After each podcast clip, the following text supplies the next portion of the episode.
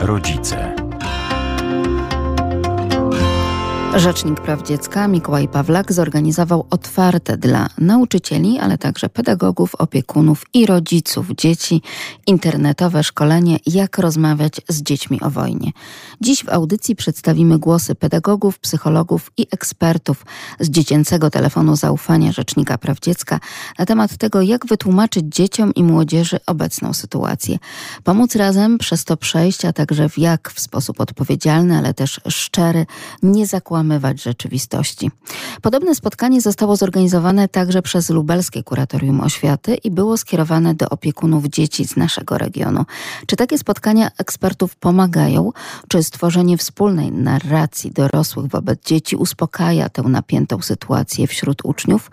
Na te wieczorne rodziców rozmowy zapraszam Państwa. Magdalena Lipiec-Jaremek mówię dobry wieczór, a Jarosław Gołowit ten program zrealizuje pojawiło się właśnie to pytanie, jak rozmawiać z dziećmi, jak odpowiadać na ich pytania. Tych pytań są setki. Każde dziecko inaczej będzie odbierało mm, wojnę, inaczej będzie odbierało rzeczywistość i z pewnością tych pytań będzie wiele. Pierwsze podstawowe pytanie, na które chyba wszyscy znamy odpowiedź. Czy rozmawiać z dziećmi o wojnie?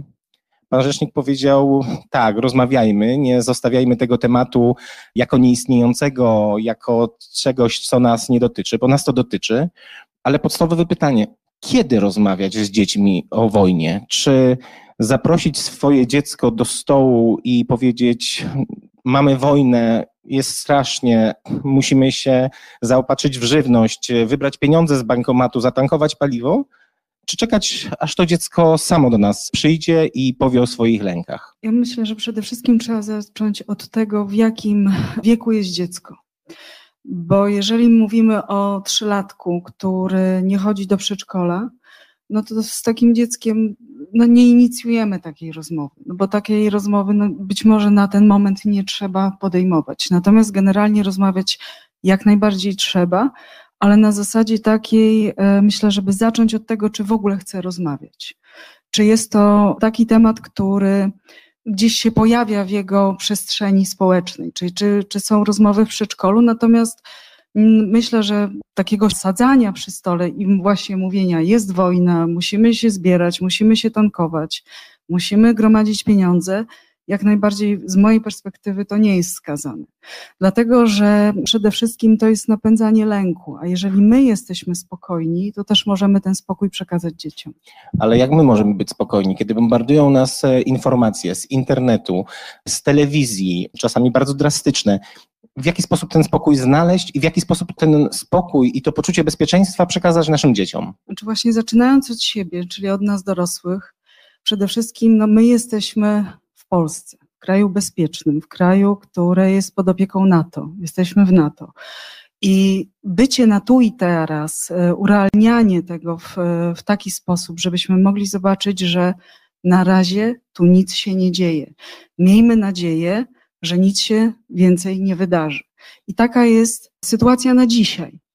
I w momencie, kiedy też e, my jakby bombardujemy się właśnie w pewien sposób sami, bo to od nas zależy, czy przez cały dzień jest włączony telewizor, czy śledzimy różne media społecznościowe, czy oglądamy serwisy informacyjne w internecie, no to wszystko z jednej strony no, mamy takie poczucie, że daje to nam pewną kontrolę i że ma to nam zabezpieczyć jakąś wiedzę na temat tego, co się dzieje, ale jednocześnie taka ciągła ekspozycja na to, co się dzieje, wzbudza nas, w nas coraz większy niepokój. Więc to, że my sami jakby jesteśmy zanurzeni w tym, co się dzieje właśnie poprzez te obrazy, wcale nam nie pomaga. Rodzice, opiekunowie, nauczyciele stanęli przed niezwykle trudnym i poważnym wyzwaniem wytłumaczenia młodemu pokoleniu, co się stało tak naprawdę. Dlaczego ich beztroskie dzieciństwo jest zagrożone? Dlaczego w telewizji, internecie wszyscy pokazują straszne zdjęcia, filmy, mówią również ze strachem o przyszłości. Nie możemy zostawiać uczniów, dzieci z tym problemem samych. I stąd też właśnie spotkanie, szkolenie pod hasłem Jak rozmawiać z dziećmi o wojnie.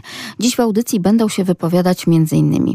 pani psycholog, psychotraumatolog Ewa Werestak-Mościcka, ale także Maciej Malec, psycholog dziecięcy z Dziecięcego Telefonu Zaufania Rzecznika Praw Dziecka, Marek Figiela, psycholog, terapeuta, psychoterapeuta, Joanna Sielska, psycholog, psychoterapeuta, ale także specjalista do spraw terapii w kryzysie. Jacek Stec moderuje to spotkanie. Czy takie częste e, rozmowy z dzieckiem? Znaczy, bo to, że z dzieckiem należy porozmawiać, to, to wiemy to, że mm, żeby to nie była taka planowa rozmowa, ale jakby odpowiedź na potrzeby dziecka, może nie samo zapytanie o to, co to jest wojna, czy co, jak sobie radzić, ale po prostu wyczucie chyba też tych emocji, jeśli dobrze rozumiem, to druga rzecz. Natomiast czy te rozmowy powinny być częste? Czy my często o tym powinniśmy rozmawiać? Znaczy ja uważam, że przede wszystkim to też zależy od, od, dziecka, bo jeżeli dziecko jest zamknięte, bo to jest w zasadzie, chciałabym zacząć może od tego, że my w tej chwili możemy przeżywać ostrą reakcję na stres. To jest taka sytuacja, to jest e, taka, takie zaburzenie, można powiedzieć, nasze psychiczne, które powoduje, że my możemy w bardzo różny sposób reagować na to, co się dzieje.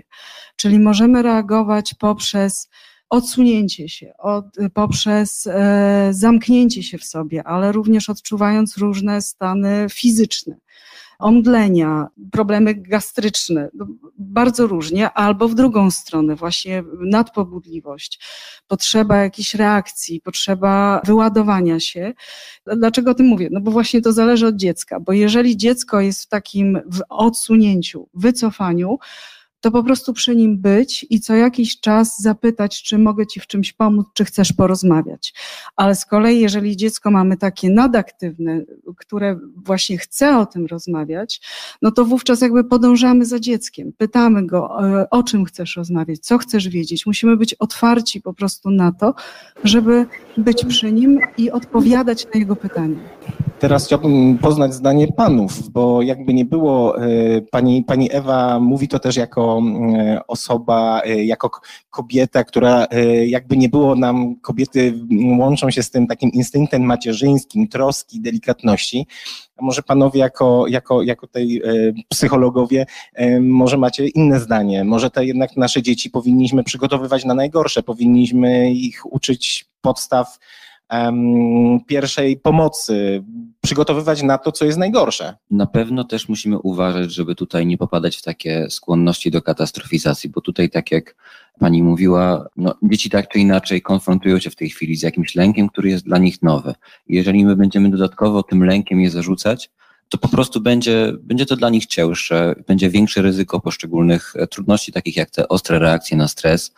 I my przede wszystkim to, co możemy robić, to starać się dawać tym dzieciom spokój, dawać im przestrzeń na to, że no wiadomo, nie każde dziecko będzie chciało, nie każde dziecko będzie gotowe na to, żeby o tym temacie dużo rozmawiać, ale na pewno my musimy zachować taką otwartość, żeby wiedziało, że my tu jesteśmy dla nich. I też to, co mi się wydaje ważne, to jest e, to, żeby mieć świadomość, e, skąd też e, dziecko czerpie informacje, jakie czerpie informacje, bo w tej chwili wiadomo, że te młodsze dzieci, tak około tych trzech lat na przykład, one w dużej mierze są uzależnione od tego, jakie informacje my przekazujemy w domu. Ale kiedy dziecko idzie do szkoły, kiedy dziecko ma media społecznościowe, Facebooka, TikToka, to te źródła informacji mogą być bardzo różne. I te informacje też często mogą być nierzetelne i pobudzające jeszcze dodatkowo właśnie takie tendencje katastroficzne i na pewno musimy być na to uważni. Też nie chodzi o to, żeby w tej chwili dzieciom ograniczyć te media społecznościowe, bo one w tej chwili próbują sobie radzić tak, jak najlepiej potrafią. I e, jeżeli będą miały taką normalność, taką codzienność, takie stałe rutyny, tak jak funkcjonowały na co dzień, to bardzo dobrze, ale my musimy być wyczuleni na to, jakie informacje dostają. No właśnie, powiedział Pan tutaj o rutynie, o tym, żeby powiedzmy zająć im czas, żeby nie musiały myśleć o wojnie, jeżeli dobrze rozumiem. To może dołóżmy tym naszym dzieciom jeszcze troszkę zajęć dodatkowych. Czy to jest dobre rozwiązanie? Niech nie mają czasu już pomyśleć o tym, co się dzieje, tylko zająć się tym swoim światem i, i, i ży, żyć tym, co, co, co je tylko dotyczy, a wojna gdzieś zejdzie e, siłą rzeczy na dalszy plan. Panie redaktorze, no nie zejdzie na dalszy plan, jeżeli wypełnimy. Ja wręcz bym bardziej powiedział, że trochę odciążmy nasze dzieci, tak, i zwracałbym bardziej na to uwagę. Tutaj no, już były wypowiedzi na ten temat, po czym obserwować i co, na co zwracać uwagę u dzieci. Jeżeli pomyślimy sobie, że no, każdy z, z rodziców zna swoje dzieci, tak, wie jak one reagują, jak funkcjonują, tak samo i nauczyciele no, są w stanie, mają tą taką podstawową i czasami nawet głębszą wiedzę o dzieciach, więc należy być wyczulonym na to, kiedy ta aktywność dziecka być może jest zbyt duża albo zbyt e, e, zaczyna dziecko się wycofywać, żeby wtedy po prostu zwracać na te rzeczy uwagę. Natomiast o wojnie bym, jeżeli mówimy, używamy tu w ten e, sposób, bardziej bym zastanawiał się, jak rozmawiać o bezpieczeństwie, nie, że by tworzyć dzieciom e, bezpieczne warunki do tego, w jakiej przestrzeni aktualnie się znajdują. Czyli, że nie dociążamy ich aktualnie jeszcze dodatkowymi, dodatkowymi obowiązkami. Te, e, te, powiedzmy sobie, rutyny, czyli to, co mają należy, czy warto po prostu realizować w takim tempie, jakim realizują, ale to bardzo dużo zależy też od tego, będzie się udzielać e, też i dzieciom. Więc rozmawiajmy o tym, jak e, zapewnić właśnie bezpieczeństwo, co jest dla dzieci bezpieczne i być może rozmawiajmy o, że może nie rozmawiajmy o tym, o samej wojnie, ale o konflikcie, o tym, na czym polega konflikt, jak dochodzi do konfliktu, żeby dzieciom po prostu wyjaśniać te, te rzeczy, ale też oczywiście, e, jeżeli popatrzymy na, na, e, na wiek dzieci, to musi być to dostosowane do wieku dziecka, tak? że inaczej będziemy rozmawiać trochę z młodszymi dziećmi, inaczej ze starszymi. One będą zadawać pytania, więc my musimy odpowiadać im uczciwie. Jeżeli będą pytać o nasz niepokój czy lęk, to oczywiście, że mówimy, że jeżeli przeżywamy lęk, to mówimy o tym, że, że go przeżywamy, ale żyjemy dokładnie tak, jak było mówione, w kraju, w którym, y, który żyje w pokoju i który jest bezpieczny, tak? I żeby też, jeżeli y, jeżeli nawet żeśmy odbyli taką jedną rozmowę, to warto pamiętać o tym, że to niekoniecznie na tej jednej rozmowie musi się y, zakończyć, że że jeżeli uznamy, że już żeśmy powiedzieli, że do tego trzeba wrócić być może, tak? Na potrzeby dziecka e, odpowiadają. Czyli rozumiem, że jakby staramy się bardziej jeszcze słuchać naszych dzieci i no. odwzorowywać to, jakie one mają potrzeby. No, przede wszystkim empatia i przede wszystkim e, kontakt i słuchanie dziecka i zadbanie o jego bezpieczeństwo. Tylko, że przed tym, zanim zadbamy też o bezpieczeństwo dziecka, no to zrobiłbym taki krok, można powiedzieć, trochę wstecz i zadbał o swoje poczucie, e, można powiedzieć, o dobry kontakt z sobą, żebym się zastanowił nad tym, co chcę dziecku przekazać, jakim tonem przekażę, tak? Skąd też są, to co już też tutaj pan psycholog e, mówił, skąd dzieci pozyskują informacje, że warto tak naprawdę pozyskiwać informacje z pewnych źródeł nie, tych źródeł jest dosyć dużo. Czyli znowu mamy jakby, wracamy do pracy u podstaw, czyli umiejętność nauczenia dzieci, jak rozróżniać fake newsy od prawdziwych wiadomości, jak to sobie dozować i analizować. No to mówimy, że dzieci i tak po prostu analizują, natomiast warto zapytać, skąd te źródła, skąd te informacje mają i my powinniśmy też mieć te dzisiaj pewne informacje, ale to, co też już było powiedziane, że nie patujmy dzieci. Jeżeli są to młodsze dzieci i w, w domu wciąż jest puszczona telewizja i dziecko jest narażone na te obrazy, no to dziecko nie będzie miało informacji, jak one są jeszcze te obrazy zapętlone i co godzinę pokazywane te same, ale dla dziecka będą to nowe, nowe informacje, jakby cały czas coś dochodziło. Ograniczamy dzieciom dostęp do tych takich treści drastycznych, tak? No nie włączamy telewizora, żeby on 24 godziny na dobę nam tutaj funkcjonował i pokazywał obrazki to z Kijowa, to z Charkowa, czy z innych miejsc na Ukrainie. A co z tą wszechobecną informacją i tym takim tworzeniem rzeczywiście takiego klimatu zagrożenia poprzez działania, które dzieją się w Polsce. W każdej szkole teraz mamy zbiórki na uchodźców, w każdej szkole mamy komunikaty, potrzebujemy opatrunków, potrzebujemy łóżek polowych, potrzebna jest y, krew, oddawanie krwi to buduje nastrój grozy. E, to może nawet nie wiem, czy panowie, czy pani też tutaj e, uważacie, że to może być nawet bardziej zdradliwe, bo jest to pod taką przykrywką czegoś pozytywnego, ale te, te, te emocje gdzieś tam buzują i tworzy się taki dziwny, dziwny klimat niepewności. Oczywiście, że, że, że jest to, można powiedzieć, są to emocje, które dzieci będą przeżywać i będzie, jest to wiadomo, że związane z konfliktem, konfliktem, który jest wojną, która jest za granicami naszego kraju. Natomiast to, co mamy tworzyć dzieciom, to bezpieczne miejsce w miejscu, w którym żyją, tak? Że to będzie ważne, że to, że, żeby nie epatować nadmiernie, bo tak naprawdę to jeżeli oddajemy i szukamy różnych możliwości pomocowych, to tak naprawdę my staramy się być tymi, którzy pomagają, bo to my nie chcemy powiedzieć, że tam nie dzieje się krzywda, dzieje się krzywda i i wiemy, że to jest krzywda dla e, wielu ludzi, które jej doświadcza, tak? Natomiast wyjaśniajmy to dzieciom i teraz no, mówimy tutaj tak, że na pewno musimy rozróżnić ten wiek rozwojowy dziecka i dopasować, dostosować te informacje, Natomiast twórzmy, przynajmniej dbajmy o swój dobrostan emocjonalny, czyli że też rodzice czy nauczyciele przede wszystkim pracując z dziećmi czy informując dzieci, warto, żeby robiły, żeby znalazły, miały ten czas na to, żeby dzieciom spokojnie przekazać czy rozmawiać, żeby po tym spotkaniu czy po rozmowie z dziećmi, żeby też zadbać o siebie emocjonalnie, że to nie chodzi tylko, że zatroszczymy się o dzieci, ale taki dobrostan emocjonalny rodzica czy dorosłego będzie miał swoje przełożenie na dziecko.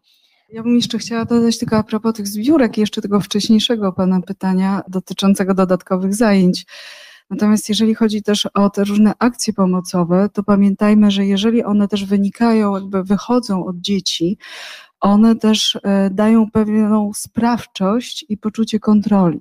Czyli, ja przerwę że... Pani, bo jakby okay. sam jestem rodzicem i sam doświadczam tych zbiórek w szkole, natomiast mam niestety wrażenie, że to są takie zbiórki, no nie chciałbym tu używać, pierwszomajowe, na zasadzie wszyscy zbierają, zbierajmy i my, tak? Teraz wszyscy się łączymy i jakby jest tak mm, może taka e, inicjatywność inspirowana. Więc pytanie, czy powinniśmy w to iść, czy powinniśmy takie, takie właśnie akcje promować? Bo jak, jak rozumiem, kiedy to wynika z, tego, z tej potrzeby serca, kiedy to wynika z tej inicjatywy dzieci, jak najbardziej, ale organizowanie takich e, zrzutek e, na zasadzie, bo wszyscy się zrzucają, to zróbmy i my, czy może nie przy, przyniesie więcej szkody niż pożytku w tej sferze psychologicznej? Ja bym, ja bym e, tutaj przekazał e, głos e, Pani wie, ponieważ ona zwraca uwagę na bardzo ważny aspekt. Czy właśnie chodzi mi o to, że jeżeli dziecko jest w poczuciu zagrożenia, w dużym lęku, to dla niego, dla takiego dziecka odzyskanie jakiejkolwiek kontroli, jakiejkolwiek sprawczości,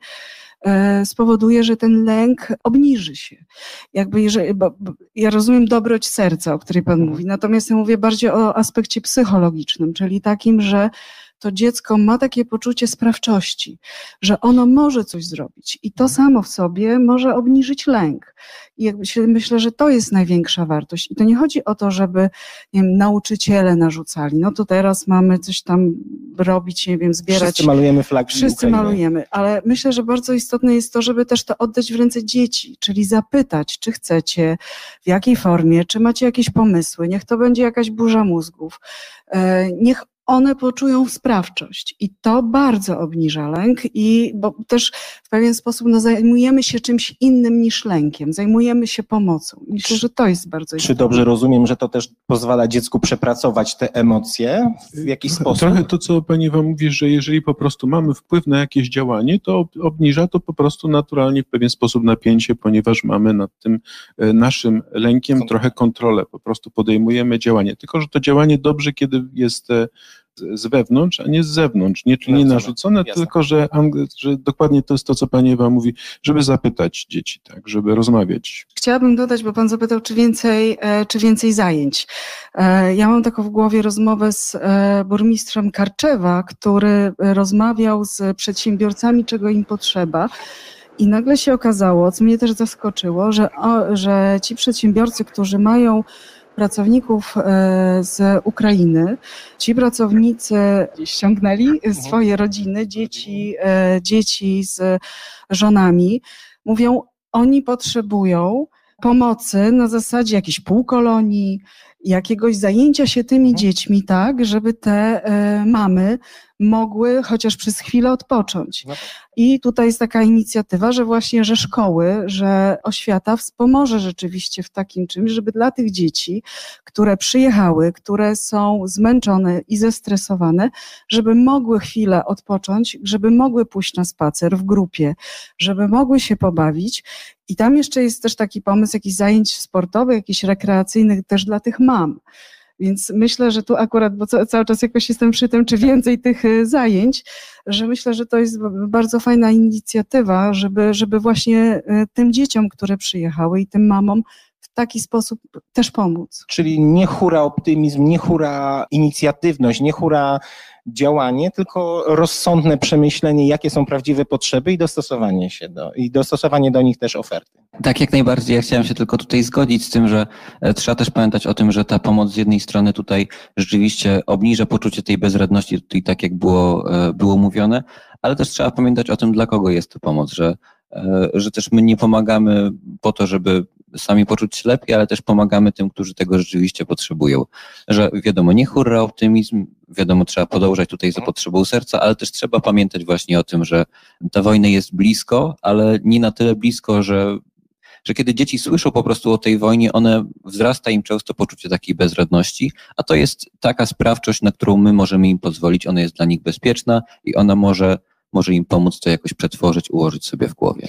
I tutaj też Państwo poruszyli w rozmowie pewien temat, o który chciałbym zapytać panią e, Joannę, która tutaj czeka cierpliwie na łączach. Zastanawiam się nad tym, czy jesteśmy w lepszej czy w gorszej sytuacji. Przez dwa lata żyliśmy w stresie. Żyliśmy w stresie koronawirusa, pandemii i my dorośli i dzieci byliśmy bombardowani strachem.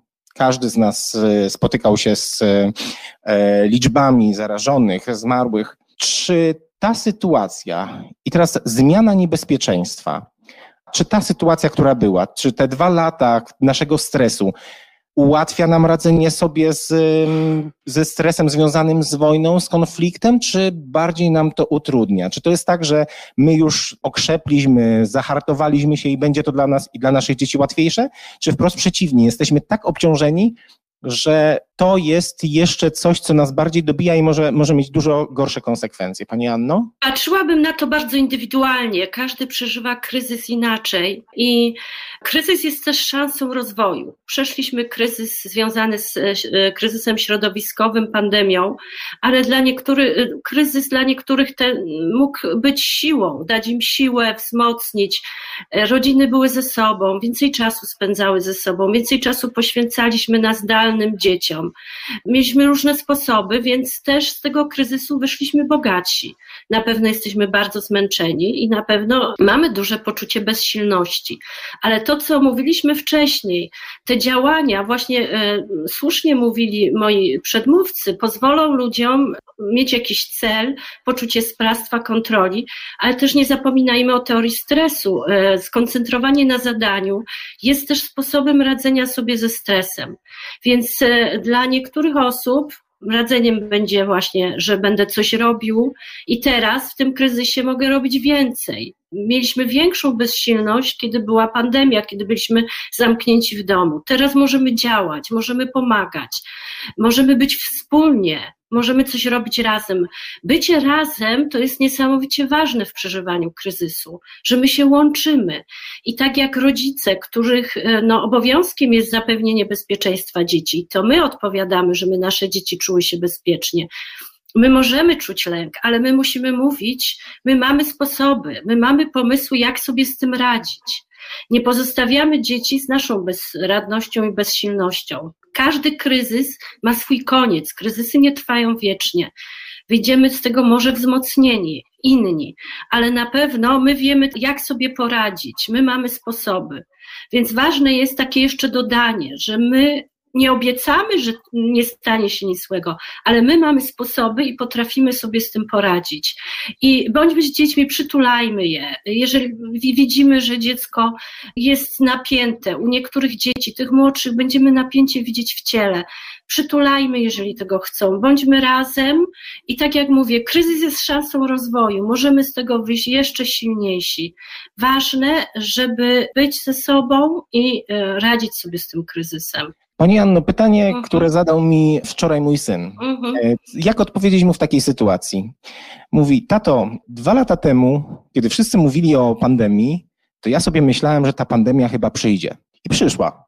Teraz wszyscy mówią o wojnie, że do nas pewnie też przyjdzie. No to ja jestem przekonany, że na pewno przyjdzie. Co takiemu dziecku odpowiedzieć? Nie, no, nie? To troszkę, troszkę wynika też z omnipotencji dziecięcej. Dzieciom się wydaje, że jak sobie coś pomyślę, to się stanie, albo jak zamknę oczy, to zniknę. Raczej na tyle mamy już naukę rozwiniętą i różne e, sfery, że możemy coś przewidzieć. No jeżeli o tym mówi się w radiu, prasie i dziecko to słyszy, to też mu się nakłada. No nie ma takiego magicznego myślenia, że jak ja sobie coś wyobrażę, to się stanie. Tak ten świat nie działa. No równie dobrze mogło do tej wojny nie dojść, mogły się e, te negocjacje jakoś skończyć jeszcze. No, stało się. Tak jak z wypadkami, no nie przewidzimy wypadków. Na to nie ma człowiek wpływu i raczej no, nasze myślenie z tym nie ma nic wspólnego. My możemy teraz myśleć, żeby się odwróciło i tak się nie stanie. Chciałbym połączyć się z naszym mhm. E, gościem, panem Tomaszem z Irlandii, który będzie się z nami łączył i zapytać go jak sytuacja wygląda u Państwa? Pytam to w kontekście takim, że próbuję ułożyć sobie w głowie, czy dla nas konflikt na Ukrainie to jest daleko czy blisko? Czy to jest coś, co nas dotyczy, bo jest tuż obok i zaraz może być wojna, czy jednak jest to jeszcze wciąż tak daleko, że możemy te nasze dzieci uspokajać i mówić, że no, zobaczymy, jak sytuacja jest, my jesteśmy bezpieczni, nie wyprzedzajmy wypadków i wydarzeń. Panie Tomaszu, pan pracuje jako nauczyciel, jako działacz w mm, organizacjach pozarządowych, e, w środowiskach polonijnych w Irlandii. Jak to wygląda z tamtej perspektywy? Państwo jesteście dalej, ale też macie państwo, pracujecie państwo z dziećmi, które mają rodziny e, w Polsce i może się martwią. Jak wygląda u państwa sytuacja? Jak, jak pan mógłby nam to przedstawić? To jest coś, co, czym zajmujemy się już od wielu dni, e, jak rozmawiać z dziećmi, jak rozmawiać z młodzieżą, jak radzić sobie z tą sytuacją rzeczywistości wojny. I to są dwa takie obszary. Bo pierwszy obszar to jest taki, że my będąc Polakami tutaj poza granicami kraju, także w Irlandii, to w zasadzie jesteśmy bardzo blisko związani z Polską, z tym, co się dzieje. A jeszcze jest obszar miejsca, rzeczywistość naszych sąsiadów, gospodarzy, czyli samych Irlandczyków, którzy również bardzo mocno na to reagują. Więc my odbieramy te dwie rzeczywistości. Proszę Państwa, więc tak, może zacznę od Irlandczyków. Irlandczycy w sposób naturalny, jak to się wszystko zaczęło, uruchomili swój potencjał do pomagania, do wspierania. E, I do kogo zwrócili się e, z przekazywaniem tej pomocy? No do Polaków do Polaków, także po prostu tutaj w polskich domach, w polskich sztabach Wielkiej Orkiestry Świątecznej Pomocy, przy polskich parafiach, przy polskich organizacjach są organizowane właśnie miejsca y, zbiórek, darów, pieniędzy, y, prezentów najpotrzebniejszych y, rzeczy. Ludzie się angażują i nas, Polaków, tutaj do tego angażują. Jest jeszcze druga rzecz niebezpieczna bardzo ze strony irlandzkiej opinii publicznej, która jest związana z Polakami. Oczywiście w sposób powszechny tutaj dominuje brytyjski punkt widzenia, amerykański punkt widzenia, gdzie jednoznacznie opinia publiczna wyraża się na temat, na temat tego, co Rosja i Putin y, robią na Ukrainie. Jest wielkie wsparcie i współodczuwanie z narodem ukraińskim, z państwem ukraińskim. Natomiast dociera też narracja tutaj taka bardzo szkodliwa, myślę, że też przez rosyjskie farmy troli y, produkowana, że tą pomocą polską i wspieraniem tych uchodźców jest coś nie tak, ponieważ tam y, są prześladowani e, i pomijani obywatele krajów afrykańskich, e, emigranci, którzy też próbują się wydostać z e, Ukrainy i jest im to uniemożliwiane i polska strona ich bardzo źle traktuje, wręcz mówi się o przejawach jakiejś dyskryminacji. Natomiast no tutaj nasza rola, my bardzo cierpliwie tłumaczymy, że chodzi tutaj przede wszystkim o to, że pierwszeństwo mają kobiety, dzieci, starcy potrzebujący, natomiast z tych emigrantów no tam dominują młodzi mężczyźni, studenci, E, osoby, które tam jakoś na Ukrainie przebywały w sposób czasowy, którzy domagają dla siebie też jakichś e, specjalnych e, praw. Natomiast teraz przechodząc już do nas, jako do Polaków, my mając tutaj zakorzenienie w polskiej rzeczywistości, mając rodziny, mając polską telewizję, oglądając doniesienia z internetu, bardzo mocno odczuwamy to w sposób bardzo taki namacalny.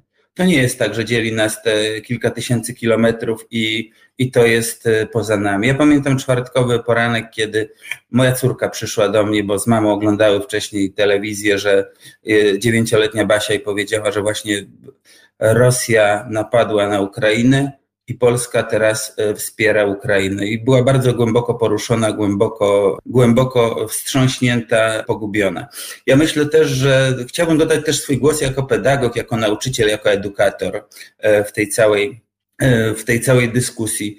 My jedną rzecz musimy jak gdyby sobie uświadomić i przygotować naszą narrację, naszą opiekę, nasze, naszą dbałość o, o dzieciaki, o młodzież, Proszę Państwa, nie oszukujmy się, świat, który, w którym żyliśmy, on się skończył na naszych oczach. I to jest coś więcej niż pandemia, ponieważ tutaj po prostu podstawy naszego bezpieczeństwa przez ten konflikt, który już jest konfliktem globalnym, spowodował, że, że znowu, tak jak w rzeczywistości zimnej wojny, my możemy mówić o tym, że jest walka dobra i zła. I moi drodzy, my się musimy z tym e, zmierzyć. I tutaj zabezpieczanie tych emocji dzieci i ich bezpieczeństwa psychologicznego, emocjonalnego na obecnym etapie jest ważne. Natomiast my już musimy zacząć pracować nad tym, w jaki sposób po prostu e, wychowywać te dzieciaki w tej rzeczywistości nowej, która będzie dynamiczna, ponieważ no nie znam w tej chwili nikogo, kto by był w stanie po prostu powiedzieć e, z czystym sumieniem dzieciom, że będzie super, będzie, e, będzie dobrze, bo my nie wiemy, jak będzie ze względu na to, że nikt nie wie, co siedzi w głowie Władimira Putina i jego, jego generałów, jego przywódców. Wydaje mi się, że rozmawiając z dziećmi, wtedy, kiedy oni tego potrzebują, oni się dosiadają, jak są te transmisje, tłumaczą. Oni zadają przede wszystkim pytania, dlaczego? Jak to jest możliwe, że w XXI wieku gdzie tyle się mówi, że mamy żyć w pokoju, że mamy dbać o najdrobniejsze grupy, które mogą poczuć się wyobcowane, wyalienowane, że mamy dbać o bezpieczeństwo każdego pojedynczego człowieka, ktoś może napadać na inne kraje, kłamiąc, strzelając, zabijając i, i ofiarami tutaj są dzieci bezbronni. To, co dzieciom najbardziej jakoś e, doskwiera i wydaje mi się, że my musimy też jakoś zmierzyć się, żeby rozmawiać o tym.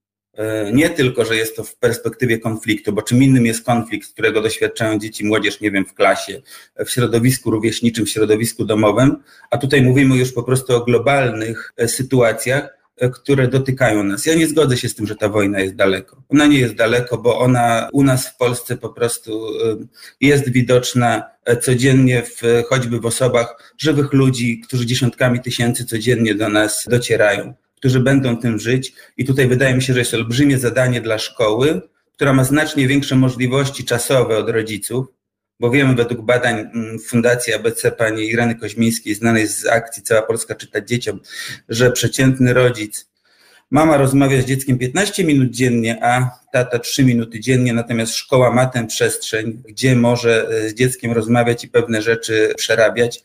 Natomiast tutaj jak gdyby od nas szkoły my musimy wymagać przede wszystkim, że my się przeorganizujemy, my się przeszkolimy i do tej rozmowy zaprosimy takie osoby, które sobie z tym same radzą. Wydaje mi się, że my dorośli przede wszystkim się boimy i w tej chwili te lęki my możemy przenosić y, na nasze dzieci, że my najpierw musimy zadbać o swoje bezpieczeństwo emocjonalne i dopiero później z tym pójść do dzieci. Taka jest moja opinia. Jak rozmawiać z dziećmi o wojnie, kiedy w klasie mamy dzieci zarówno polskie, jak i ukraińskie i rosyjskie. Jak w takiej sytuacji podejść do, do sprawy, w jaki sposób poprowadzić rozmowę, żeby przyniosła ona odpowiednie efekty? To rzeczywiście pokazuje tylko to, że, y, że w Polsce nie tylko musimy zadbać o dzieci y, polskie, ale tak naprawdę musimy y, zadbać o wszystkie dzieci, które są. I jeżeli mówimy o, o tej sytuacji, to, to dokładnie, ponieważ to no, nie te dzieci, pewien sposób są odpowiedzialne za konflikt, za wojnę, która się dzieje i że trzeba odbarczyć te dzieci, że to, ta krzywda, która się dzieje i wojna, do której doszła, że to też nie, nie e, wszyscy Rosjanie rozpoczęli i chcą brać w udział, bo część demonstruje, tak, część się sprzeciwia i wielu jest takich, którzy chce a nawet e, no, z tego, co widać większość, każdy chce z nas żyć w pokoju i w bezpiecznym miejscu. I że to, że przyjmujemy dzieci ukraińskie, to dlatego, że chcemy o nie zadbać, zapewnić im bezpieczeństwo i pokój. I takiego też bezpieczeństwa i pokoju e, potrzebują dzieci rosyjskie, tak, czy każdej innej narodowości. I że można powiedzieć, rozmawiając z dziećmi, to dokładnie musimy uczyć dzieci właśnie tolerancji i tego, że to nie te dzieci są odpowiedzialne. Trzeba zdjąć tą po prostu odpowiedzialność z tych, e, z całego narodu rosyjskiego, ponieważ e, wiele obywateli rosyjskich chce żyć tak naprawdę w bezpiecznych warunkach, w pokojowych warunkach. To jest jakby przestrzeń do tego, żeby pokazywać i uczyć, że można wspólnie żyć, można się wspólnie uczyć i można wspólnie się bawić, tak? I rozwijać. I że, e, że mamy po prostu kraj, który jest e, wolny od, od wojny, który jest bezpieczny i który daje szansę rozwoju każdemu dziecku. A dziś w audycji słuchamy wystąpień m.in. ekspertów z dziecięcego telefonu zaufania Rzecznika Praw Dziecka. Przypomnę Państwu numer 812 12 i słyszymy m.in. wypowiedzi chociażby psychologa dziecięcego z dziecięcego telefonu zaufania Rzecznika Praw Dziecka Macieja Malca, ale także pan Marek Figiela wypowiada się psycholog, terapeuta, psychoterapeuta, Joanna Sielska, psycholog, psychoterapeuta i specjalista terapii w traumie, jak również również Ewa Werestak-Mościcka, psycholog i psychotraumatolog. Do kolejnej części tych wystąpień, a także całego szkolenia Jak rozmawiać z dziećmi o wojnie powrócimy za chwilę. Z wielu miejsc Polski docierają głosy, że ukraińskie dzieci będą miały możliwość, a gdzie niegdzie już tak się dzieje, pójścia do polskich szkół. To piękny gest. Trzeba pomagać i robić wszystko, by dać tym dzieciom choć namiastkę normalności. Po pierwsze, dzieci dostają komunikat pod tytułem Od jutra będą z wami chodzić do klasy dzieci z Ukrainy. I koniec komunikatu. Czy tak to powinno wyglądać? Czy powinna odbyć się rozmowa o traumie, przygotowanie naszych dzieci na komunikację z dziećmi z Ukrainy, bo często przecież nie znają języka? Przygotowanie na różne zachowania lęk, płacz, zagubienie, otępienie, a nawet rozpacz. Rozmowa z wychowawcą, psychologiem szkolnym, plan na zorganizowanie lekcji. I jak do tego ma się również podstawa programowa. Czy warto przygotować pedagogów przez interwentów kryzysowych na przyjęcie dzieci z Ukrainy? Czy potrzebne byłoby wsparcie w zakresie integracji z obecnymi klasami? Jak wprowadzić do tego wszystkiego podstawy nauki języka ukraińskiego, rosyjskiego i oczywiście polskiego dla strony ukraińskiej. Działania w tym zakresie warto podejmować z każdej perspektywy rodzica, nauczyciela, psychologa, dyrekcji. Być może szybkie zebranie online z rodzicami i prośba o porozmawianie z dziećmi w domu, przygotowanie ich na przyjęcie dzieci z Ukrainy, podesłanie rodzicom stosownych materiałów o tym, czym jest trauma i jak sobie radzić jako otoczenie z osobami w traumie, Prośba do psychologów i pedagogów szkolnych o spotkanie w klasach, do których takie dzieci dołączą. Warsztaty dla nauczycieli, którzy będą w tych klasach uczyć, plus oczywiście szybkie warsztaty także dla dyrekcji. Wspólne spotkania wychowawcy, nauczyciele i dzieci. Określenie ścieżki integracji tych dzieci z klasą, do której dzieci z Ukrainy dołączają. O tym, jak powinno przebiegać spotkanie na linii uczeń polski i uczeń ukraiński, powiemy m.in. już w drugiej godzinie audycji My Rodzice.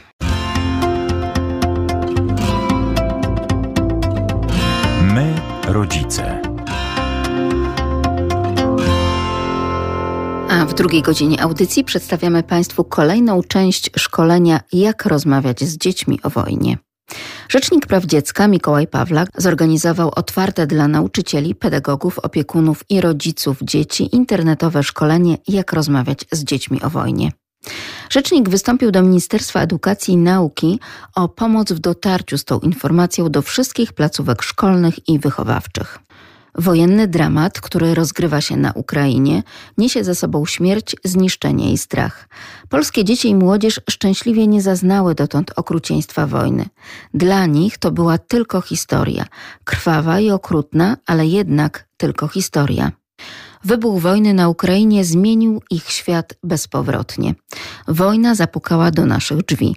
Giną ludzie, być może bliscy ich ukraińskich przyjaciół, którzy chodzą do tej samej szkoły. Rodzice, opiekunowie i nauczyciele stanęli przed niezwykle trudnym i poważnym wyzwaniem.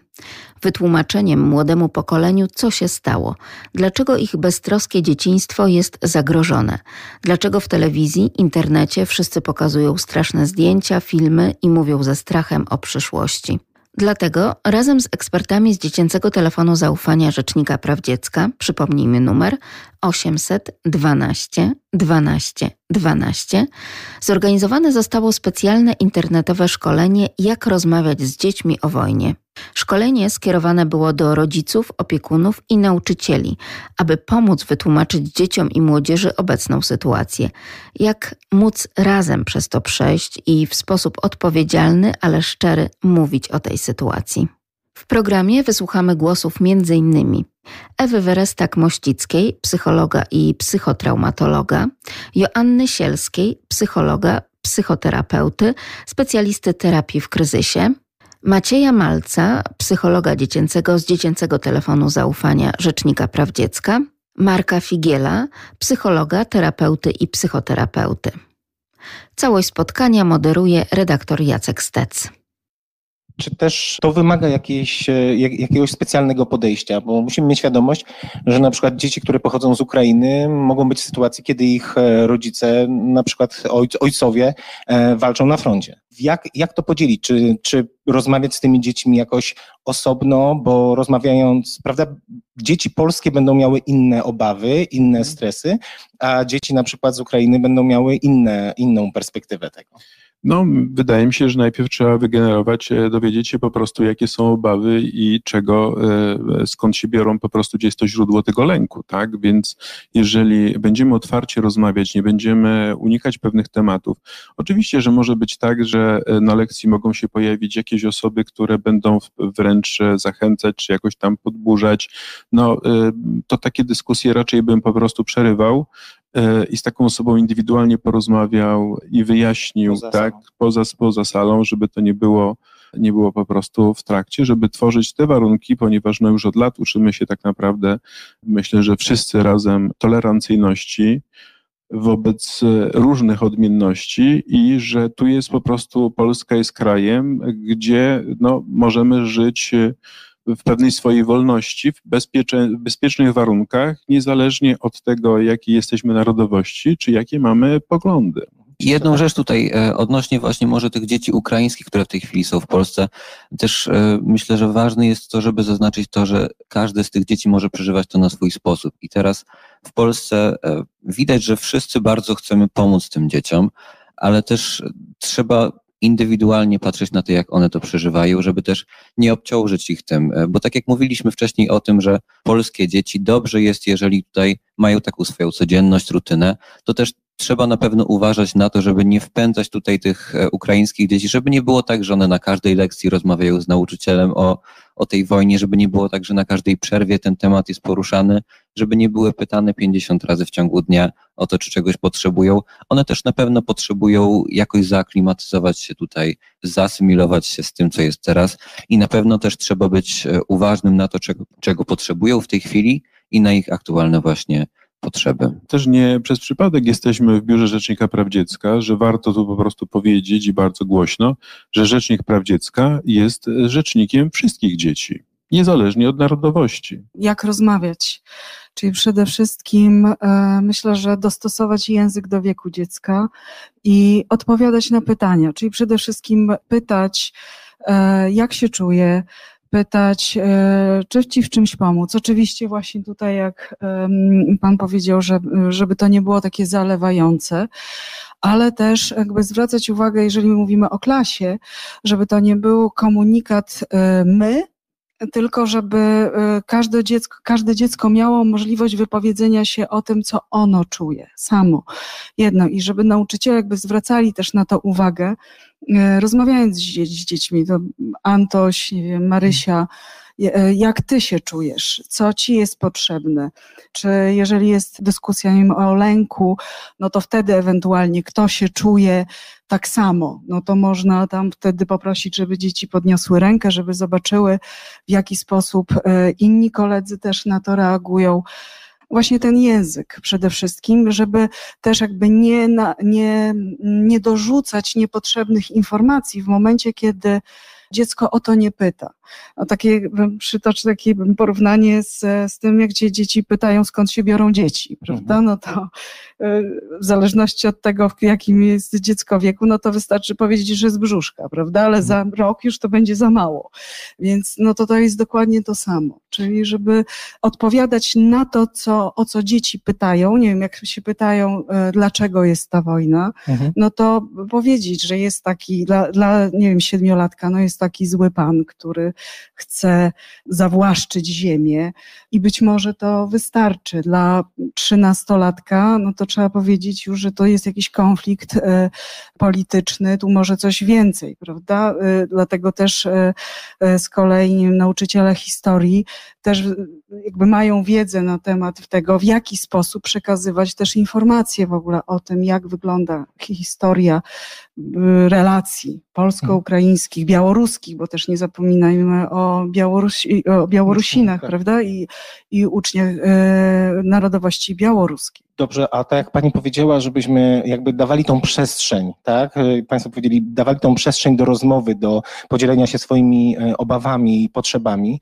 to czy wskazane jest, żeby organizować lekcje, które by były poświęcone, pomijam już tutaj lekcje wychowawcze, które by były poświęcone tej tematyce i jakby też pracy nad emocjami, czy bardziej wplatać te mm, kwestie do bieżącego, do bieżących lekcji, do bieżącego planu, czyli tak jak tutaj Państwo powiedzieli, jest historia, uczymy się o wojnie na przykład i gdzieś ten temat nam wypływa i go prowadzimy. Na pewno jeśli taki temat się pojawia od strony uczniów, e, no to na pewno nie należy od niego uciekać, bo to, że on wypływa, oznacza, że pobudza jakieś emocje po prostu u dzieci, ale też e, myślę właśnie, że te godziny wychowawcze mogą być takim dobrym momentem, żeby ten temat e, zahaczyć, zobaczyć na ile uczniowie, i tu też myślę, że indywidualna kwestia, żeby nie do końca może iść zawsze za tym, co mówi cała grupa, bo zawsze w klasie mogą też być pojedyncze osoby, które mogą nie być gotowe po prostu w tym momencie na, na przykład na takim poziomie tej głębokości tych informacji,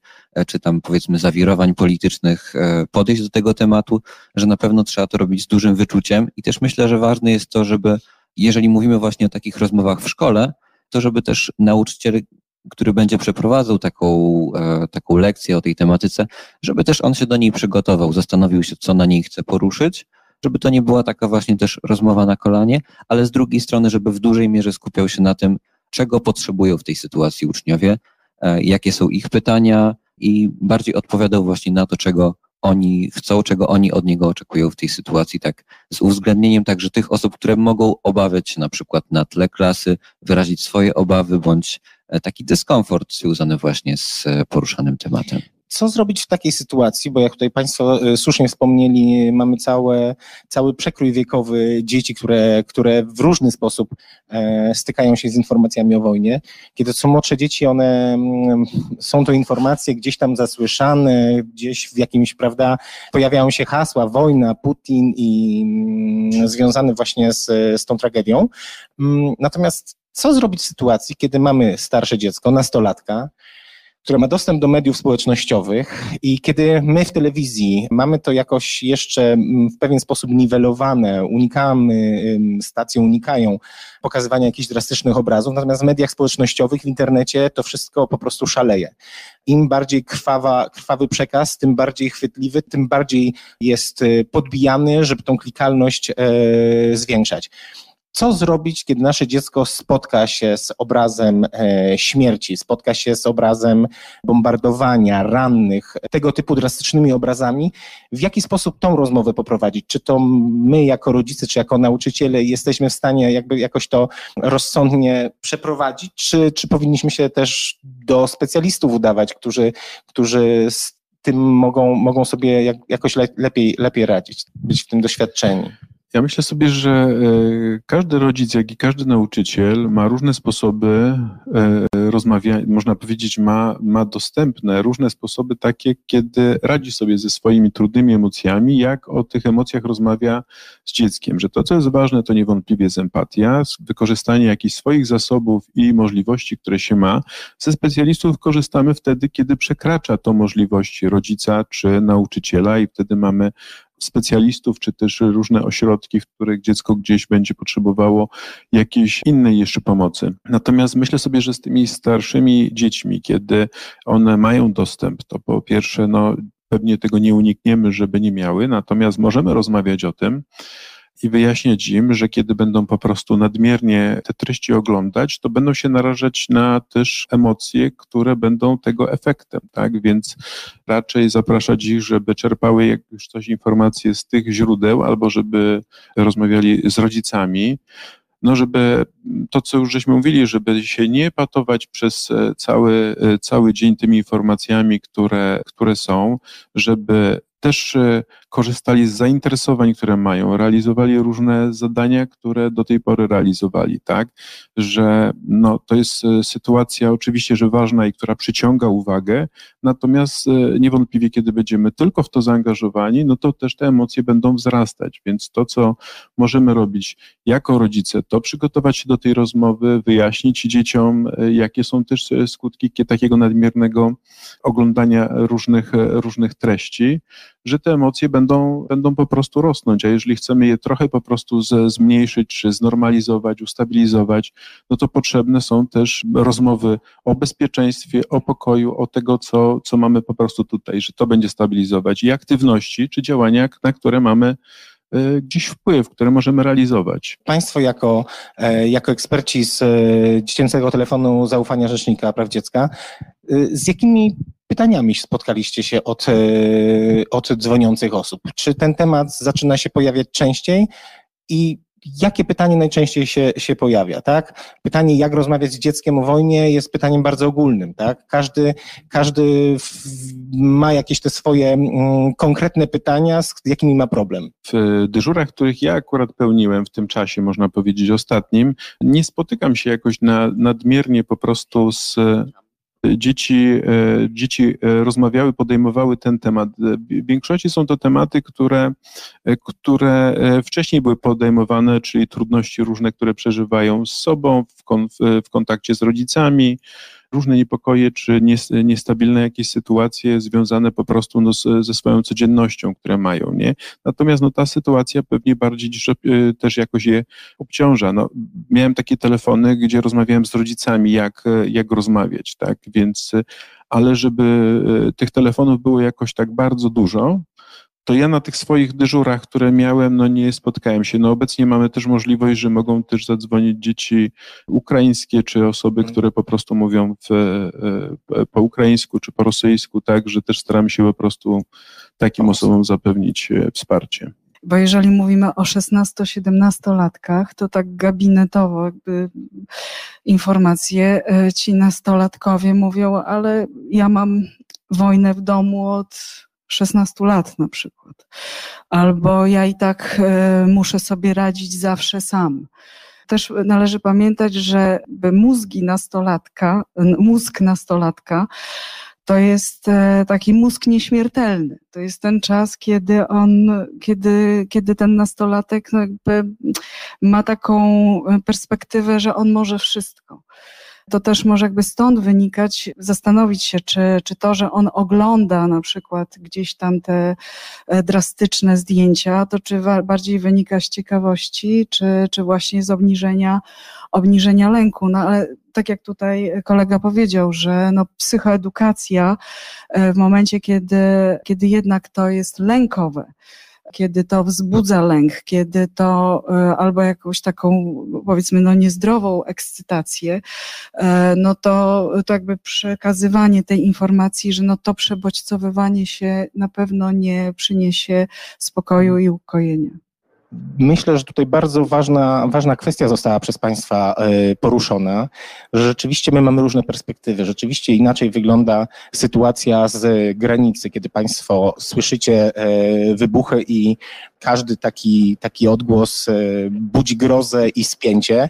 Inaczej patrzymy my z perspektywy, gdzie jesteśmy dalej od granicy, czy osoby mieszkające na zachodzie Polski, czy tak jak tutaj pan Tomasz wspomniał, e, osoby, e, dzieci, dzieci i osoby mm, Polacy w Irlandii.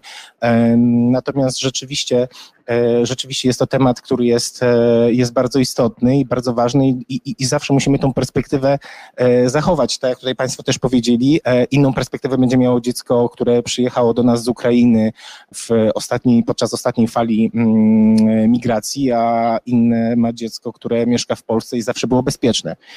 Pojawiły się bardzo trudne pytania. Jedno, które mnie tutaj bardzo dotknęło i chciałbym je do Państwa skierować. Jak wytłumaczyć dzieciom, Dlaczego giną dzieci? To nie jest e, e, łatwo odpowiedzieć dziecku, zwłaszcza w tej e, sytuacji, w której się aktualnie znajdujemy, że należy zna, nadal wrócić do tego, że dostosowujemy komunikat do wieku dziecka i że mówimy wtedy po prostu o, o tym, że tak, że, że śmierć w pewien sposób, czy odejście drugiego człowieka jest e, no, związane po prostu z życiem, że to jest część po prostu życia, chociaż to e, dziecko, kiedy odchodzi, no, jest e, trochę jest inna sytuacja, kiedy odchodzi człowiek starszy, chociaż też powiedzmy sobie, że też nie chcemy, żeby bliska, zwłaszcza dla nas osoba, żeby opuszczała świat, a zwłaszcza dziecko, które, które jeszcze ma całe życie przed sobą, natomiast jest to część życia i należy dziecku po prostu do, w dostosowaniu do, do, do wieku rozwojowego dziecka dostosować ten komunikat i opowiedzieć tak, jak e, że to jest po prostu część życia, tak, żeby, że mm, że nie mamy często na to e, wpływu, że takie sytuacje też e, w życiu, w życiu się zdarzają, że, mogą, że dotykają nas jako ludzi. Nie. Tu też chciałbym się jeszcze odnieść do tego, co Państwo mówią, że Państwo e, są na granicy i rzeczywiście są Państwo trochę w innej sytuacji w pewien sposób w innej, ponieważ mają Państwo dźwięk, mają Państwo w sensie dźwięk, słyszą wybuchy, tak, są państwo, mają tą rzeczywistość, która e, powoduje pewnie większy lęk, większe poczucie zagrożenia, tak jak państwo nazywają. E, niemniej e, no nie mają państwo wpływu na to, czy te, czy te, te dźwięki wybuchów dochodzą, czy nie. Tak, tak samo nie mają państwo na to wpływu, czy, czy jest większa obecność wojskowych czy nie, że oni po prostu są częścią tej rzeczywistości, w której państwo się aktualnie znajdują. Natomiast e, i na to państwo nie mają wpływu. Natomiast mają już państwo wpływ na to, jak normalizować swoje emocje i jak e, normalizować emocje dzieci, ponieważ każdy z Państwa też jako pedagog e, ma no, wystarczająco, moim zdaniem, no nie, nie przypadkiem jesteśmy w takim właśnie zawodzie, zawodzie pomocowym czy, e, czy wspierającym w rozwoju, że mamy dosyć duże e, możliwości empatii, e, bycia blisko czy towarzyszenia drugiemu człowiekowi. Natomiast jedną z podstawowych takich kwestii to jest zadbanie dokładnie o swój komfort emocjonalny czy dobrostan. Tak? Jeżeli zadbamy o swój, wtedy w pewien sposób łatwiej będzie też dbać o ten dobrostan dzieci. Natomiast rzeczywiście e, potrzebują Państwo zdecydowanie większego po prostu wsparcia. Ja tu ze swojej strony mogę, myślę, że zadeklarować, że mogą Państwo też jako osoby e, dorosłe dzwonić tutaj do dziennicego telefonu zaufania, żeby spróbować omówić być może indywidualne kwestie, tak jak dotyczące dziecka, ale i też mogą Państwo zachęcać, zapraszać dzieci, żeby e, dzwoniły, kontaktowały się z dziecięcym telefonem zaufania, że to, co możemy zrobić, to na pewno możemy zaoferować Państwu e, no, wsparcie i pomoc taką, jaką mamy, żebyśmy zintegrowali e, te nasze działania, że no, możemy być, jesteśmy po prostu no, otwarci tutaj na to, jak na, na te nasze możliwości, które mamy. Tak. Pojawiło się takie pytanie, które z pozoru może wydawać się banalne, ale wydaje mi się, że jest dość istotne w kontekście tego, jak budować to, to, to, poczucie bezpieczeństwa u dzieci, a z drugiej strony, jak pozwalać im na ujście tych negatywnych emocji. Padło pytanie, czy pozwolić dzieciom bawić się w wojnę? czy pozwolić im się bawić w wojnę i to jeszcze w, też w kontekście takim, że te dzieci e, czasami całe dnie spędzają przy komputerze, gdzie grają niekiedy w bardzo brutalne gry, gdzie się zabija innych. Jak do tego podejść? Jak, jak, jak, jaki, jaki złoty środek e, zastosować? Na pewno tutaj bardzo ważny jest też e, kontekst tych e, zabaw i gier.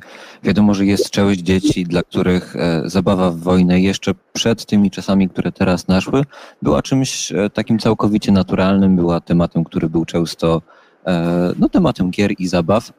I na pewno dla nich porzucenie tego w tej sytuacji byłoby czymś zaskakującym.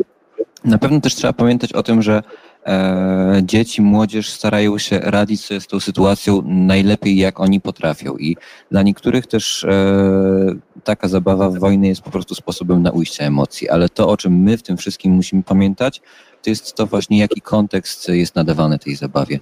Żeby to nie było takie bezpośrednio odnoszące się do e, tej, do tej sytuacji, e, do tej sytuacji na Ukrainie, żeby też e, zawsze był podany ten kontekst etyczny, żeby dzieci wiedziały, że wojna nie jest niczym dobrym, E, wiadomo, że to są e, trochę truizmy, to są rzeczy, o których wszyscy my wiemy, ale także w tym czasie bardzo ważne jest to, żeby to zaznaczać, że kiedy świat się zmienia, kiedy jest niecodzienna sytuacja, to że te zasady etyczne, zasady moralne cały czas pozostają te same. I my jako nauczyciele, my jako rodzice jesteśmy też odpowiedzialni za to, żeby to dzieciom e, cały czas przekazywać, żeby one miały także dostęp do tych informacji, że wojna nigdy nie jest dobrym rozwiązaniem czy dobrze myślę, że tutaj może nam się też pojawiać pewien taki kontekst, e, też jak te dzieci na przykład się bawią, jak się dzielą, tak? Czy, czy, czy nie ma takich podziałów właśnie narodowościowych, e, że gdzieś to tak przekładają sobie w świat rzeczywisty? Na pewno też trzeba właśnie bardzo na to uważać. Też trzeba pamiętać o tym, że często przy okazji zabaw w wojnę właśnie dzieli się na różne drużyny, ten podział na drużyny może wiązać się z takimi generalizacjami, że tu są źli, to są e, Rosjanie, tu są dobrzy, to są na przykład Ukraińcy. Żeby też bardzo na to uważać w kontekście tego, że e, no, będziemy spotykać e, dzieci, również dorosłych z tych obu krajów, którzy często mają inne, inne postrzeganie tych konfliktów, żeby też uczulać dzieci i młodzież na to, że nie każdy Rosjanin jest e, zły, że to nie zależy, że to są po prostu poszczególne jednostki i że nie można tego tak e, bardzo jednoznacznie przyporządkować z naszego, z naszego punktu widzenia, z naszej odległości. Dzieci nie odpowiadają za wojnę.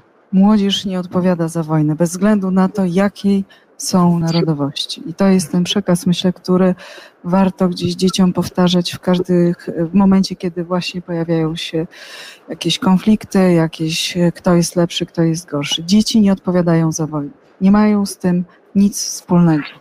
Jakie środki, jakie pierwsze środki powinniśmy podjąć jako nauczyciele, jako rodzice, e, jako rodzice kolegów, którzy się z nimi zetkną, żeby im pomóc z, tym, z tą zmianą i także z tą traumą, którą gdzieś tam ze sobą przynoszą, e, żeby mogły sobie poradzić. No w, pierwszej, w pierwszej kolejności to, co jest e, najważniejsze i najpotrzebniejsze, to stworzyć bezpieczne warunki.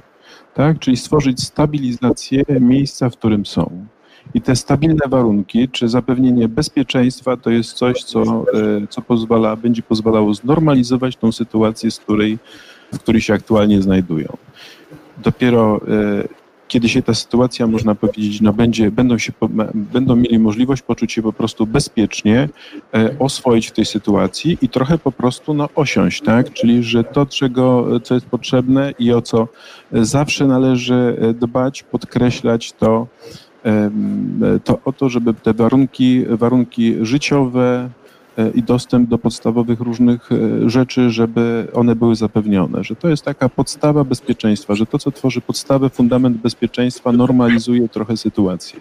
Też, żebyśmy pamiętali, że osoby, które są w ostrym stresie, one mogą w różny sposób e, reagować na nas na, znaczy na nas, na osoby, które na przykład właśnie y, podejmują opiekę czy przyjmują uchodźców, że to mogą być głośne dźwięki, które im przeszkadzają, że to mogą być e, jakieś takie zachowania, których my możemy nie rozumieć.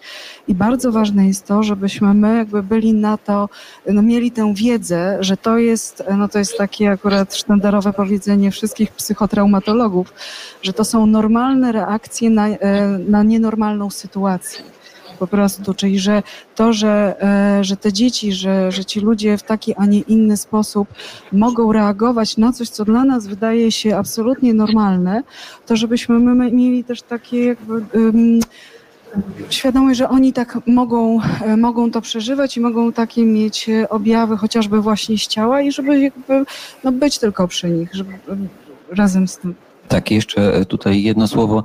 Ważne jest też e, to, żeby współpracować e, z takimi bezpiecznymi osobami dla, dla tych dzieci, które tutaj trafiają. Często to są rodzice, opiekunowie, ale też e, trzeba mieć świadomość tego, że właśnie w bardzo różny sposób, tak jak tutaj pani Ewa mówiła, e, dzieci mogą reagować także na nas. Dla niektórych osób na przykład e, wysoki mężczyzna może się kojarzyć z żołnierzem, którego spotkali na wojnie, więc e, też na pewno nie należy brać do siebie, jeżeli dziecko nie jest gotowe do tego, żeby z nami o tym porozmawiać, ale jeżeli mamy dobry kontakt także na przykład z opiekunem tego dziecka, z osobą, z którą to dziecko może się kontaktować, to też dobrze jest dowiedzieć się tych rzeczy, żeby zapewnić tutaj, żeby nie iść na siłę w pomaganie temu dziecku, jeśli to dziecko nie chce tej pomocy od nas, ale też żeby dostosować się do jego potrzeb.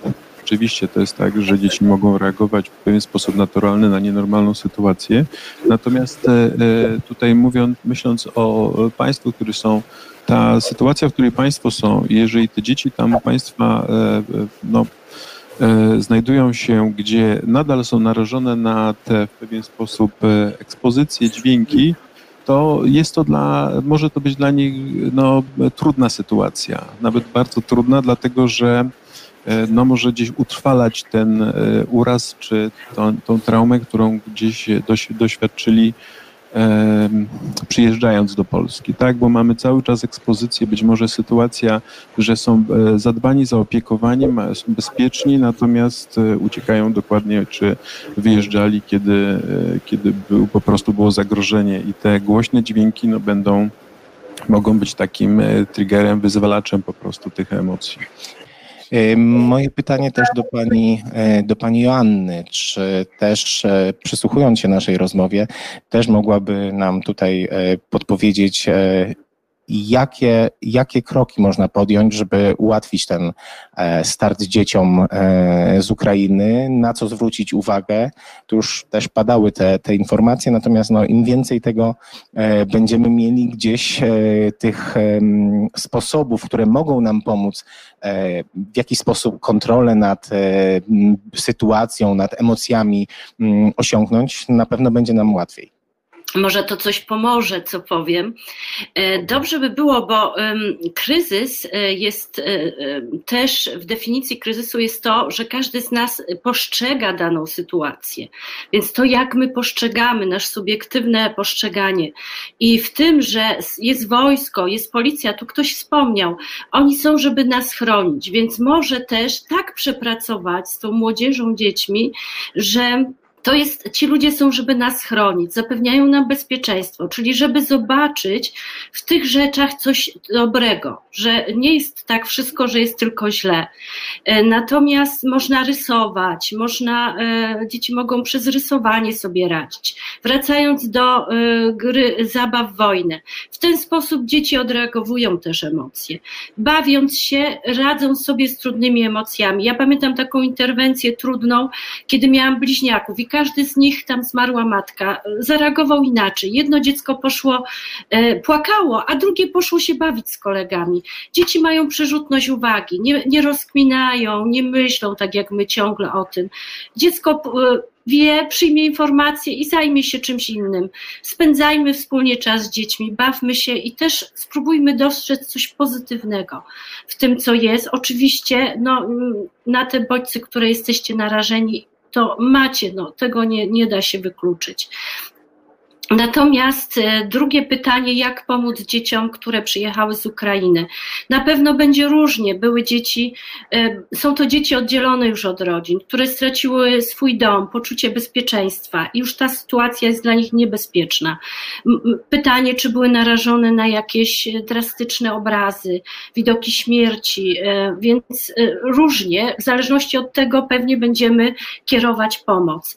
Ale pamiętajmy, większość osób radzi radzi sobie z kryzysami, także z kryzysem traumatycznym i z traumą. Nie narzucajmy się też za bardzo z pomocą, bardziej bądźmy po ludzku towarzyszami, towarzyszmy tym osobom. Bądźmy czujni, bądźmy uważni, bądźmy obok, zapewnijmy podstawowe, już są bezpieczni, ale zapewnijmy podstawowe potrzeby. To, co robimy, żeby miały gdzie mieszkać, żeby miały co jeść, żeby czuły się bezpieczne jeżeli widzimy, że rzeczywiście dane dziecko gdzieś odstaje, coś się z nim dzieje, to zapytajmy, co się dzieje, ale też nie zmuszajmy i nie, nie naciskajmy nawet swojej ciekawości do tego, żeby opowiadało, co widziało i co się da, zdarzyło. Te dzieci będą powoli e, sobie z tą traumą radzić. Po miesiącu dopiero, kiedy zobaczymy, że te reakcje na traumy są takie, że te dzieci ciągle przeżywają, mają koszmary, coś się dzieje, dzieci mogą się moczyć, to wtedy rzeczywiście jest potrzebna dalsza pomoc terapeutyczna. Ale wierzmy w siłę człowieka, żyliśmy tyle lat i w konfliktach i dawaliśmy sobie radę z traumą. Poza tym jesteś, te dzieci są teraz nastawione na przetrwanie. One wydobywają z siebie wszystkie zasoby, trzeba im tylko towarzyszyć i je wspomagać, kiedy trzeba, wierząc, że sobie poradzą. Więc e, e, bądźmy obok, bądźmy czujni, bądźmy uważni i pozwólmy, żeby tutaj gdzieś weszły w to środowisko, żeby dobrze się czuły, nie czuły się alienowane, żeby e, o to zapewnijmy. Na to mamy wpływ, jak te dzieci tu się będą czuły, co się z nimi będzie działo. A obserwując, wtedy dopiero spostrzeżemy, które dziecko może jest mu potrzebna dalsza pomoc. Ale była, bym ostrożna, nie zmuszałabym do mówienia. No i my będziemy się swoją bezsilnością konfrontować. Pamiętajmy, że my też swoją kruchością, z tym, co tutaj i, i pan Marek mówił, z tą śmiertelnością, tak? Że jesteśmy śmiertelni. I my też, kiedy my stykamy się z osobami, które przeżyły traumę, konfrontujemy się z własną śmiertelnością, z może z zagrożeniem życia własnych dzieci. To nas też obciąża i bardzo dobrym sposobem, i wiem, że już ruszyły takie akcje, jest pomoc dla pomagaczy żeby osoby, i tak jak patrzę na Państwa w Kodynie, to mam tak dużo empatii, że, że Państwu jest potrzebne tam, żeby Państwem się ktoś zaopiekował również, żebyście mieli takiego, e, taką pomoc psychologiczną dla siebie, żebyście mogli sobie to poobgadywać i żeby ktoś był, że Was wspiera. I fajnie, że jest ta inicjatywa, że tu jesteśmy, że macie to wsparcie.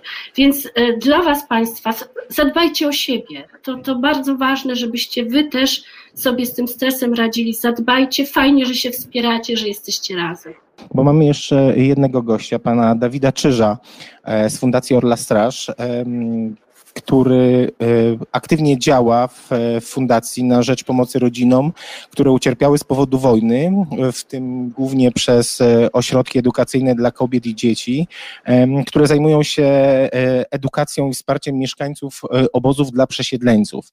To jest coś, z czym jeszcze jakby nie mamy do czynienia, natomiast też myślę, że może to być to ciekawa perspektywa, z czym możemy kiedyś się spotkać i panie, panie Dawidzie, E, jak, jak to wygląda z Pana perspektywy?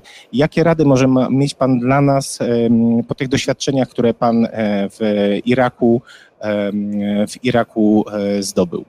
Nie czuję się ekspertem w żadnej z dziedzin, natomiast mogę powiedzieć o swoich doświadczeniach krótko z pomocy humanitarnej mm, w Iraku, irackim Kurdystanie, tam gdzie Orla Straż pomaga od już sześciu lat. E, mam również swoje osobiste doświadczenia z linii frontu. Spędziłem kilka miesięcy na froncie pod Mosulem jako mm, ochotnik walczący w szeregach e, lokalnej jednostki samoobrony. E, więc jeśli chodzi o działania wojenne, byłem w samym ich centrum. Tutaj miałem przygotowane kilka rzeczy do, do powiedzenia, kilku, kilka rad, natomiast Państwo W studiu tutaj pani Ewa, pan Maciej, pan Marek. No tak naprawdę widać, że, że specjaliści doskonale panują nad sytuacją, wiedzą z czym to wszystko się wiąże. E, ogromny szacunek dla Państwa e, w Kodniu, którzy no, jesteście tak samo na, na tej pierwszej linii i tutaj e, znakomitą pracę wykonujecie. Ja chciałem na początku powiedzieć o tym, że oczywiście trzeba dostosować wszystko, wszystkie te rozmowy do wieku, natomiast wszystko to zostało już przez profesjonalistów powiedziane. My nasza mała fundacja, tutaj powiem jeszcze, że trzyosobowa y, w Iraku, współprowadzimy obecnie dwa ośrodki dla dzieci, które uciekły z rejonów zajętych w 2014 roku przez ISIS. To są dzieci, które od tego 2014 roku, mija teraz, będzie mijać 8 lat, nadal nie powróciły i możliwe, że szybko nie powrócą do swoich macierzystych miejscowości mieszkają w obozach dla przesiedleńców, e, w miasteczku namiotowym. Na szczęście mam nadzieję, że, że do tego w Polsce tutaj nie dojdzie i takich miasteczek namiotowych e, dla uchodźców nie będzie, że damy radę w inny sposób to e, zorganizować, żeby ci ludzie nie musieli mieszkać w namiotach, które w zamyśle, tak jak w Iraku, były tymczasowe. Po latach niestety okazało się, że, że te, te rodziny tam nadal przebywają. Przyszły tam e, rodziny e, z dziećmi, te 8 lat temu. Te dzieci są obecnie nastolatkami. Kolejne pokolenia dzieci się tam urodziło. Mam nadzieję, że nic takiego się tutaj nie wydarzy. E, szczególnie dla Państwa, którzy jesteście tutaj na, na wschodzie, jesteście, obcujecie z tym na co dzień. Ja mam nadzieję, że będzie tutaj jakaś pomoc instytucjonalna i myślę, że wy również powinniście o taką pomoc instytucjonalną prosić. Jest tutaj e, za pośrednictwem Rzecznika Praw Dziecka możliwość. Oczywiście od was zależy, wy jesteście na miejscu, to wy tutaj jesteście osią tego wszystkiego, wy macie najlepszy pogląd. Czy potrzebujecie większego zainteresowania, nie wiem, mediów na przykład? E, czy po prostu e, wolicie trochę spokoju od tego? bo ja niestety z doświadczenia wiem, że tam, gdzie jest duże zainteresowanie mediów, tam e, ta pomoc jest największa. Może w tym przypadku jest to e, klucz, który trzeba też wykorzystać. Nie wiem, to od Was zależy. Ja tutaj nie chcę dawać e, rad takich z kapelusza, żeby, żeby po prostu Wam nie zaszkodzić. Ale możliwe, że ta pomoc instytucjonalna prędzej czy później i tak będzie Wam potrzebna. Czy to będzie skierowanie wolontariuszy, nawet y, psychologów, y, terapeutów, specjalistów, którzy Wam pomogą przez jakiś okres czasu. No, myślę, że jest to e, bardzo Wam potrzebne, żeby otrzymać wsparcie z innych stron e, Polski, z innych miast. Ja jestem tutaj w Sopocie, całkowicie inna perspektywa, tak samo w Warszawie, tak samo w Poznaniu czy innych miastach będziemy patrzeć na to trochę inaczej. Ja tutaj e, myślę, że takim ważnym aspektem, który sobie tutaj wypunktowałem, jest e, pomoc dla rodziców. Bo e, cały czas oczywiście i tutaj centrum zainteresowania są i powinny być dzieci, ale też jest pomoc potrzebna dla rodziców, bo ci rodzice też nie zawsze wiedzą, jak z dziećmi rozmawiać. Też może często są e, w stresie, też często mają e, swoje przemyślenia. Jeśli rodzic nie będzie spokojny, dziecko również e, nie będzie spokojne, bo dzieci obserwują swoich rodziców, wiedzą doskonale, jak, jak, jak, w jakim stanie są ich rodzice. My, jako fundacja, często mówimy, że zaczęliśmy od tego, że pytamy ludzi, jakiej pomocy oczekują. To też już tutaj padło. Więc y, oczywiście pomoc dostosowana do potrzeb. Ja sobie też tak myślę i to też y, tutaj y, od Państwa w Kodniu, w innych regionach, w innych miejscowościach regionu bardzo zależy.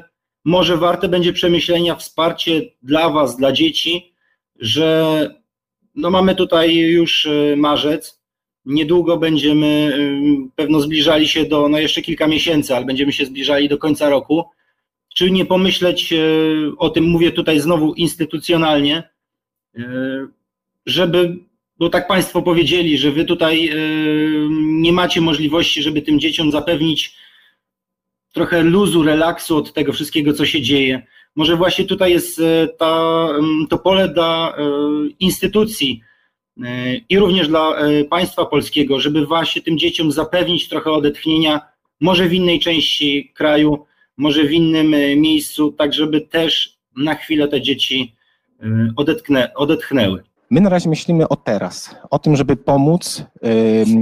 Spinamy nasze, nasze siły, wszystkie wysiłki, wszystkie ręce na pokład i pomagamy. Jak powinniśmy się przygotować do tego, że ta pomoc może być potrzebna dłużej. E, taki stan właśnie gotowości chyba nie będzie mógł się utrzymywać przez dłuższy czas. I jeżeli będzie sytuacja, kiedy tak jak teraz na Ukrainie, początek konfliktu był w 2014 roku, minęło 6 lat, e, jak się przygotować na to, że ta sytuacja może trwać dłużej? Jakie kroki przedsięwziąć my jako rodzice, jako, jako, jako zwykli ludzie, E, żeby po pewnym czasie nie nastąpił jakiś taki kryzys, tak, tej, tej, tej pełnej gotowości i nagle kryzys bezsilności, tak wydaje mi się, że no nic się nie dzieje, my pomagamy, e, mamy uchodźców, ale ta sytuacja trwa. Co dalej? No na to nie mamy y, wpływu trochę, ile ta sytuacja będzie trwała, natomiast na pewno mamy wpływ na to, jakie działania będziemy sami podejmować, tak? I to, czym będziemy się zajmować. I myślę sobie, że z jednej strony to będziemy e, robić dokładnie to, co jest w naszych kompetencjach czy w naszych możliwościach, że możemy się opiekować na bieżąco i tak jak w sytuacji, też oczywiście to nie jest ta sytuacja, ale kiedy jesteśmy ileś miesięcy w sytuacji gdzieś pandemii, no staramy się po prostu pomagać, wspierać, tak, e, i dbać o ten dobrostan. Natomiast e, bardzo, bardzo ważne, jeżeli ta sytuacja będzie, można powiedzieć, też długo się utrzymywać, to ja bym tutaj troszeczkę wrócił do tego, co pani Anna mówiła, że no to e, szczególnie będzie to też trudna sytuacja dla pomagaczy, ponieważ pomagacze się wypalają. I to wypalenie e, czasami jest bardzo, bardzo niewidoczne, no ponieważ tak, tak jesteśmy skoncentrowani na tym pomaganiu, że czasami po prostu zapominamy o siebie, o sobie. Więc e, zadbanie o ten swój potencjał i dobrostan będzie no, takie kluczowe, żebyśmy mieli tak naprawdę możliwość realnego e, pomagania to trochę czasami mówi się tak e, o tym, e, no może kolokwialnie, tak trochę jak e, w samolocie, że najpierw to my zakładamy sobie maseczkę dopiero dziecku, tak, że to dbanie o siebie daje tak naprawdę im lepiej my jesteśmy zorganizowani i zadbani, tym dbamy lepiej o tym, którym pomagamy. I też to, co już było powiedziane, że my mamy dosyć duże, duży potencjał czy możliwości poradzenia sobie z, e, z traumą, czy też e, no, z, kiedy jesteśmy obciążeni, natomiast no, nie wszyscy. I szczególną uwagę trzeba będzie po prostu e, zwracać na osoby, które no, wymagają gdzieś pomocy specjalisty, ale e, no, nie wszyscy będą e, wymagali tej pomocy, tak? Więc musimy mieć pewną wrażliwość, pewną czujność. Natomiast ja, jeżeli mówimy o dłuższej perspektywie,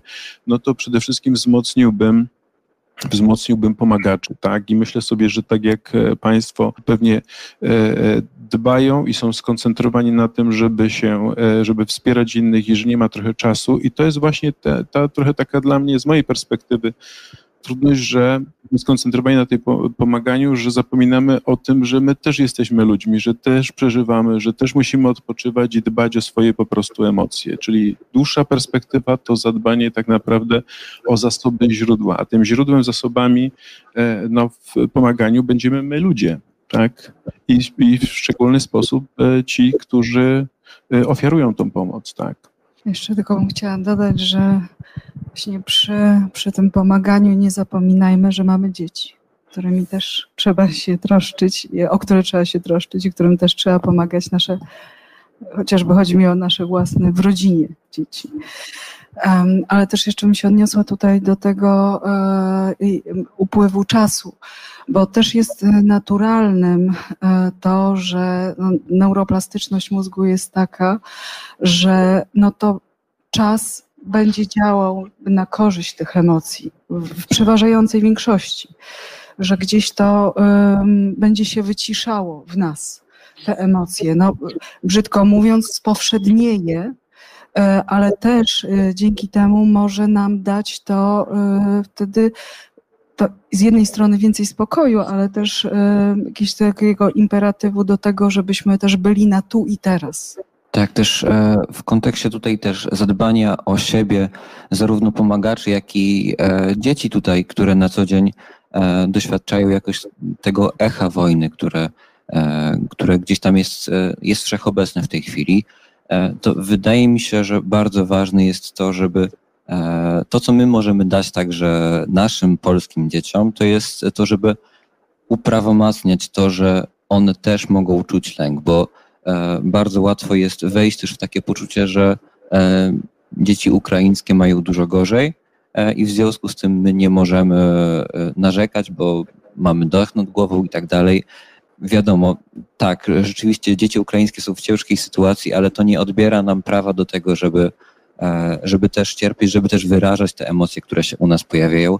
I my jako rodzice, my jako nauczyciele możemy dbać o to, żeby dzieci nie bały się o tym mówić. I to też e, w kontekście również nas samych, e, myślę, że może nam pomóc przetrwać ten czas dłużej i rzeczywiście też nie wypalić się, żeby też w ten sposób dbać tutaj o siebie.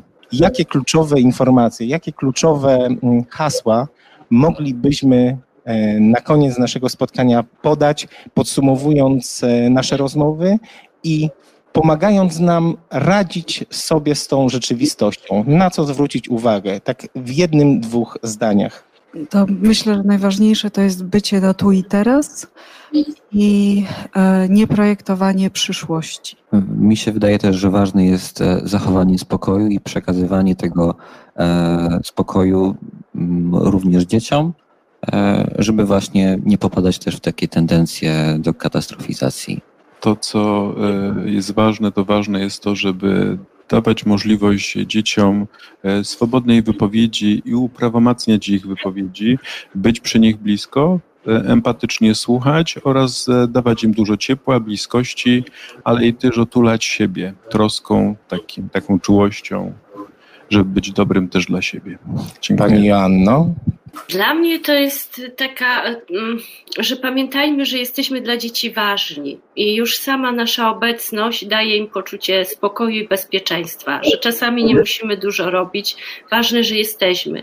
I dla mnie takie najważniejsze słowo towarzyszenie, że jesteśmy w tym wszyscy razem, wspieramy się i e, razem możemy ten e, kryzys przetrwać. Im więcej zasobów takich społecznych, im więcej wsparcia, rodzin, rodziny, im bardziej my jako sąsiedzi będziemy sobie pomagać, tym lepiej i tym łatwiej będzie nam to przetrwać. I taką chyba wspólnotą kończę i chyba takim też, co powiedziała pani Ewa, też to na mnie zrobiło bardzo duże wrażenie, że to dzieci nie wywołują wojny, żebyśmy też nie popadali w jakieś takie ocenianie, osądzanie. Jesteśmy wszyscy ofiarami tej wojny, po prostu. To wszystko na dziś w programie My Rodzice. Sprzed mikrofonu kłania się Magdalena Lipiec-Jaremek. Tylko przypomnę Państwu, że sięgaliśmy dzisiaj do szkolenia Rzecznika Praw Dziecka Mikołaja Pawlaka Jak rozmawiać z dziećmi o wojnie. Zapis tego szkolenia, jak i całej naszej audycji znajdą Państwo na naszych stronach internetowych www.radio.lublin.pl w zakładce audycji My Rodzice. A kontakt z nami, jak zawsze, rodzicemałpka.radio.lublin.pl Mówię Państwu do usłyszenia w następny wtorek tuż po 22. Kłaniam się. Dobranoc. Spokojnej nocy.